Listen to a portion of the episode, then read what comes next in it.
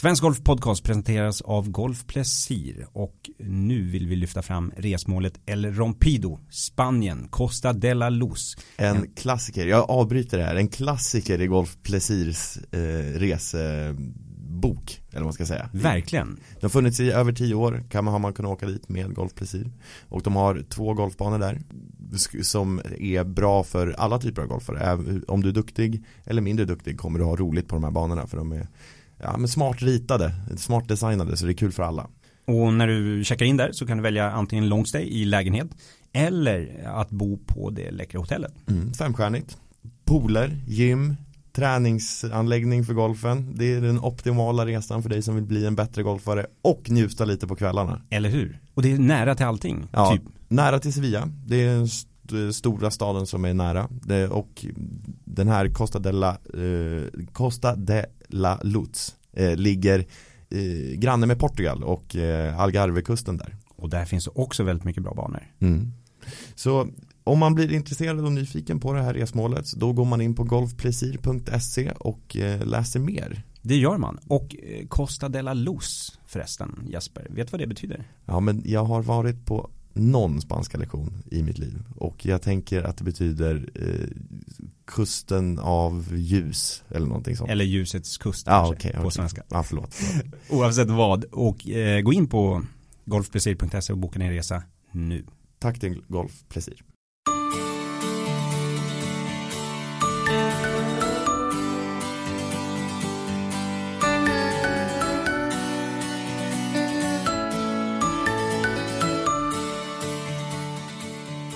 Hej och välkomna till Svensk Golf Podcast. Jag heter Carl Magnus Hellsten. Bredvid mig sitter min kollega Jesper Johansson. Idag har vi tagit oss till Lidingö utanför Stockholm för att träffa en helt unik svensk golfare. Åke Envang. Han har lyckats med en bedrift som majorvinnarna Annika Sörenstam och Henrik Stensson inte kommer i närheten av. Åke har nämligen spelat alla svenska golfbanor, befintliga som nedlagda. Totalt handlar det om 568 banor. Åke, det här är en helt fantastisk prestation. Men när spelade du bana 568? Ja, det var 2010. Vilken bana var det? Det var eh, Links. På PGA National? Ja, ja. Och hur många år tog det att komma till den 568 golfbanan i Sverige? Jag började ju 1950, så det, vad blir det? Ja, det är ju 50, 60 år. 60 år, ja. 60 år. Mm. Fascinerande. Hur kommer det sig att du började samla på svenska banor och när, ja, hela projektet, när inleddes projektet? Vi hade ett eh, årsmöte i Kalmar Golfklubb eh, och till det mötet hade vi bjudit in en man som heter Lennart Pettersson ifrån Skövde som hade eh, satt upp som mål att eh, spela alla svenska golfbanor. Han slogs eh, i den kampen med eh, eh Hagge Geigert. Men eh, eh, han, under det här mötet så fick han tillfälle att berätta om sin idé och om hur långt han hade kommit och sin story och så vidare. Jag blev lite fascinerad och um, tänkte att det där ska man kanske tänka lite grann på i framtiden. Men jag förstod att um, då hade vi ungefär 30-tal svenska banor igång. Att det skulle kunna bli ganska dyrbart. Och dessutom hade jag ingen bil. Och um, um, men jag lät det bli en dröm. Sen dröjde det tyvärr inte så länge förrän min far avled och då eh, övertog jag hans bil. Och i samband med det så blev jag vald till sekreterare i Kalmar Golfklubb. på den tiden så var det så att var man sekreterare i en golfklubb så hade man frikort till alla banor i Sverige. Just det. En jäkligt eftertraktad trofé för, Såklart. för alla som hade nått den. Och vi var väl 30-40 stycken i Sverige som hade den. Så då tänkte jag, nu jäklar kan jag i alla fall börja. Och bana nummer två blev Åtvidaberg. Åtvidaberg. Trevlig bana. Mycket. Trädgårdshotellet där Ja. intill också. På den tiden var det nog bara nio hål. Men det var ju för mig ett äventyr att komma till en annan golfbana. Till historien hör att när vi började 1950 i Kalmar och kom väl igång och spela lite smått 51, 52. Då hade jag aldrig varit på en golfbana. Okej. Inte ens sett en golfbana. Men det har du fått göra sen med Roger. En och annan, ja. Men eh, efter det att jag hade spelat på Åtvidaberg så förstod jag vilket fascinerande skådespel man kunde ha framför sig. Att eh, det är det som fångar mig. Att kliva upp på ett tid där jag aldrig har varit förut. Blicka ut över de närmaste 200 meterna och eventuellt ytterligare 100 meter. Hur gör jag då? Var ska jag lägga bollen? Och hur ska jag lyckas för att eh, eh, nå par? Och den utmaningen som man ställs inför varje gång man kliver upp på ett okänt tee, den fascinerar mig. För att, att spela en bana hundra gånger och försöka bli lite bättre och bättre. Det, Okej, det har sin, eh, har sin utmaning det också. Men den är, den är enastående, det vill säga den, eller enahanda ska jag säga. Min utmaning tycker jag är mycket större, för jag har aldrig varit där förut. Och jag vet inte vad som gäller i frågan om motvind och eh, sidovindar och uppförbackar och dittan och dattan. Men allt är en, tillsammans en utmaning som lockar. Och på den vägen är det. Efter Åtvidaberg så hamnar jag så småningom på nummer tre, Karlskrona. Också en väldigt trevlig bana. Ute Som- i skärgården. som jag var närvarande vid när den invigdes eh, utav eh, prins Bertil Okej. som slog invigningsdriven. Man skulle naturligtvis ha en eh, örlogsofficer och då valde man så småningom prins Bertil som var ganska van vid att slå invigningsdrivar i Sverige.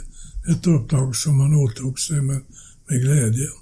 Han kom inte i amiralsuniform, men väl i svart basker och eh, stegade upp på ettans tee. Eh, 25-tal människor stod runt omkring och klämde iväg en 170 meters spikrak drive på ettan. Fantastiskt. Stora applåder. Verkligen. Hur, hur, var det att träffa prinsen? Eh, vi träffades inte utan vi, jag tillhörde publiken. Men jag kom tillbaka efter fem år när man firade sitt femårsjubileum och hade en inbjudningstävling med A och B-klass och varvid undertecknad vann A-klassen på Karlskrona. Och sänkte mig till handikapp 6 och var jäkligt stolt. Hur lång tid trodde du att det här projektet skulle ta att spela alla Sveriges banor när du väl började? Vad hade du satt upp för mål? Jag hade inte satt upp något mål. Jag förstod att skulle jag hinna göra det så var det, gällde det att ligga i som sjutton. Därför att nu började boomen. Nu växte golfen i Sverige som ni vet fantastiskt. Inte kanske på 50-talet men väl på 80-talet. Vi hade väl 50 nya banor årligen. Och då sköts mitt mål om att nå alla svenska golfbanor långt, långt, långt framåt. Och jag trodde aldrig det skulle bli möjligt.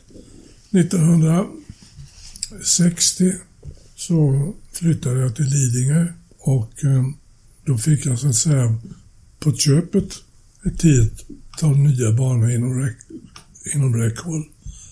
Men det var långt ifrån målet. Men eh, så målet om att spela alla svenska golfbanor försköts allt längre fram i fjärran. Men eh, jag kämpade på och nådde till slut målet 1900, vad sa vi, 20, 2010. 2010. Och hur kände du där då? Ja, lite tomt faktiskt. Eh, konstigt nog. Därför att nu hade jag inte några nya sådana mål att sträva efter. Fanns det tillfällen då du funderade på att eh, strunta i det här projektet? Nej, Vad härligt. det gjorde det inte. Det fanns i mina drömmar på något sätt någonstans. Vad har allt det här egentligen kostat i, i green fees och resor och logi och... Nästa fråga. Eh, har du funderat eller du, du har förträngt det eller har du koll på det Jag egentligen? har ingen koll. Det ingen Och jag vill inte veta. Nej, det är lika bra kanske. Ja. Kanske inte ska Det har kostat pris. naturligtvis alldeles för mycket i förhållande till min ekonomi. Men man ska inte sätta en prislapp på Sin ett hobby. livslångt mål heller kanske. Det här är nördigt som bara den. Alltså det är ju fullständigt vansinnig idé. Men, men, eh, Vi gillar det. ja. Det gör vi verkligen. Men, eh, nej, jag, jag bryr mig inte. Men Åke, hur, hur planerade du varje golfsäsong? Satte du upp ett mål på antal nya banor som skulle avverkas ett visst år eller var det lite pö om pö? Nej, jag kan inte säga att jag hade något mål utan det var ju att eh, under juluppehållet började jag sätta sig och bläddra i olika kataloger och titta på plånboken och, och eh, höra med familjen. Och eh, sen hörde till historien att jag hade goda vänner, tre stycken, som vi tillsammans hade en årlig resa och det blev hela tiden nya resmål. Hur många svenska golfbanor ligger på öar? Ja, jag har ju läst på. Jag tror att det var 51. Ja, Det är statistik som bara du besitter. Det är bara du som vet. jag är inte säker på att alla 51 finns kvar. Men, Nej, det är sant. Men 2010 ja. var det 51 svenska banor som Ja. var på öar. Var det någon av de här banorna på en ö som var svårast att pricka av i Sverige eller spela i Sverige? Eller var det någon annan som var... Vilken var knepigast att ta sig till? Att pricka av en, en svensk golfbana på en ö låter lätt. Men det är inte lätt. Därför att det finns, och den jag speciellt tänker på, jag tror den heter Norö och ligger på en ö i södra Jämtland. Norderön. Ja. Och bara att ta sig ut till Norderön är ett litet äventyr. Berätta om det. Ja, det, jag var där en lördag har jag för mig. Och då var det eh, lite trafik med en timmas mellanrum. Och då passade jag på att eh, boka in mig på en, en tur-retur-resa. Och det var en jäkla tur att jag hade ordnat med retur, returen. För den gick inte hela dagen utan den skulle ju gå till ett visst klockslag, sen stängde man. Men eh, som svar på din fråga, Norderön. På vägen hem då från 568 svenska banan stannade du och Iris till vid Golfmuseet i Landskrona och lämnade in skårkortet från PGA National. För i en monter så finns alla dina skålkort samlade i, i museet. Hur känns det att vara en del av den svenska golfhistorien? Jag har aldrig funderat så mycket, så djupt över det. Utan... Nej, däremot så har jag varit eh, besjälad av att eh, museet ska bli så innehållsrikt som möjligt. Så att jag medverkade ju tillsammans med eh, Skeppare och Jansson heter han va? Anders Jansson. Anders Jansson, ja. För att eh, museet skulle bli värdefullt och innehållsrikt. Tyvärr har inte museet lyckats så bra. Så det är ju nu under omarbetning och eh, man till, har till och med flyttat eh, eh, lokali bytt lokaliteter. Men är fortfarande i Landskrona Golfklubb. Nej, jag har inte tänkt de tankarna. Åke, Mm. vilken är den bästa utländska banan som du har spelat? Det är en, en oerhört svår fråga att besvara. Överhuvudtaget, när jag får frågan vilket är den bästa banan, så måste jag säga att jag delade in dem i olika kategorier. Men så, eh, jag förstår att de flesta menar den bästa tävlingsbanan. Och då blev för mig den bästa tävlingsbanan i Sverige Tylösands norra. Som jag anser vara fulländad. Och i Skottland så spelar jag gärna återigen Glen Eagles, ja. Just det. Där man spelar Solheim Cup. Ja. Eh, Glen Eagles uh, uh, Ladies Course. Det är den bästa Ja. du spelat utomlands. Vilken är den vackraste banan då? Den frågan får din kompis svara på, för den har jag svarat på en gång förut. Och det fick effekter. berätta. Eda i Just det. Värmland. Det var så när, när eh, vi pratades vid då och jag svarade Eda Golfklubb som är oerhört naturskön. Eh, Jag vet inte hur det skicket är idag. Men det fick eh, effekter så tillvida att året efter som vår intervju var publicerad i Svensk Golf så ringer det en dag på telefon och då kommer eh, ordföranden i Eda Golfklubb fram och presenterar sig och hälsar mig välkommen till Eda. För gratis spel, middag och övernattning. Som tack för att jag hade tipsat om Eda. De hade nämligen under det året bringat in 100 000 kronor extra i greenfee tack vare våra Oj. hus. Oj, vad häftigt. Det visste inte du? Nej, det visste jag inte. Nej, verkligen inte. Vad roligt. Mm. Vill du åka till en riktig golfklassiker? Häng då med Golf Plesir till Costa de la Luz och destinationen El Rompido. Mm. En 36-hålsanläggning som ligger i närheten av Sevilla, i närheten av Portugal och Algarve och nära till havet och ett jättefint hotell, femstjärnigt, du har pooler, barer, restauranger och för den som dessutom vill bli en bättre golfare finns träningsområden. Och det viktigaste av allt, 36 hål utanför hotelldörren. Ja, man tröttnar aldrig. Åk dit nu. Gå in och boka din resa på golfplesir.se. Vad är det som gör golf så roligt tycker du? Ja, det är många saker, men den här utmaningen som jag talade om för en stund sedan, som, som eh, inte finns motsvarigheten till i många, många andra idrotter. En spjutkastare ser samma problem varje gång.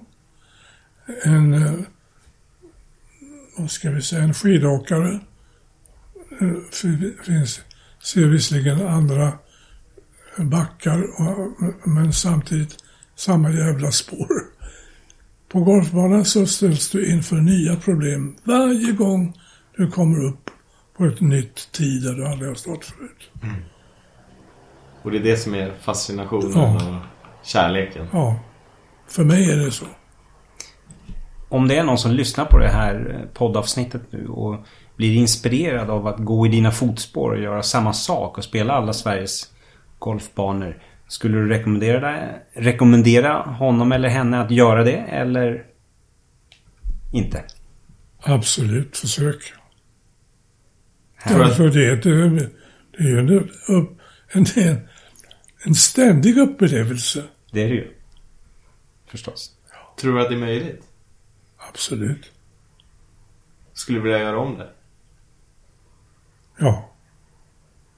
Och igen och igen? Jag, jag får ju många, eh, många kommentarer ifrån vänner och bekanta, även icke kända, för mig kända människor, som tycker att det låter häftigt. Och det är det. Vi är... Det är så häftigt att sitta här och prata och lyssna på Otroligt. alla dina berättelser från Golf-Sverige och golfvärlden. Så vi tackar verkligen för att vi fick komma hit till vackra Gåshaga ute på Lidingö och ta del av dina upplevelser. Tack själva. Tack för besöket. Trevligt att råkas.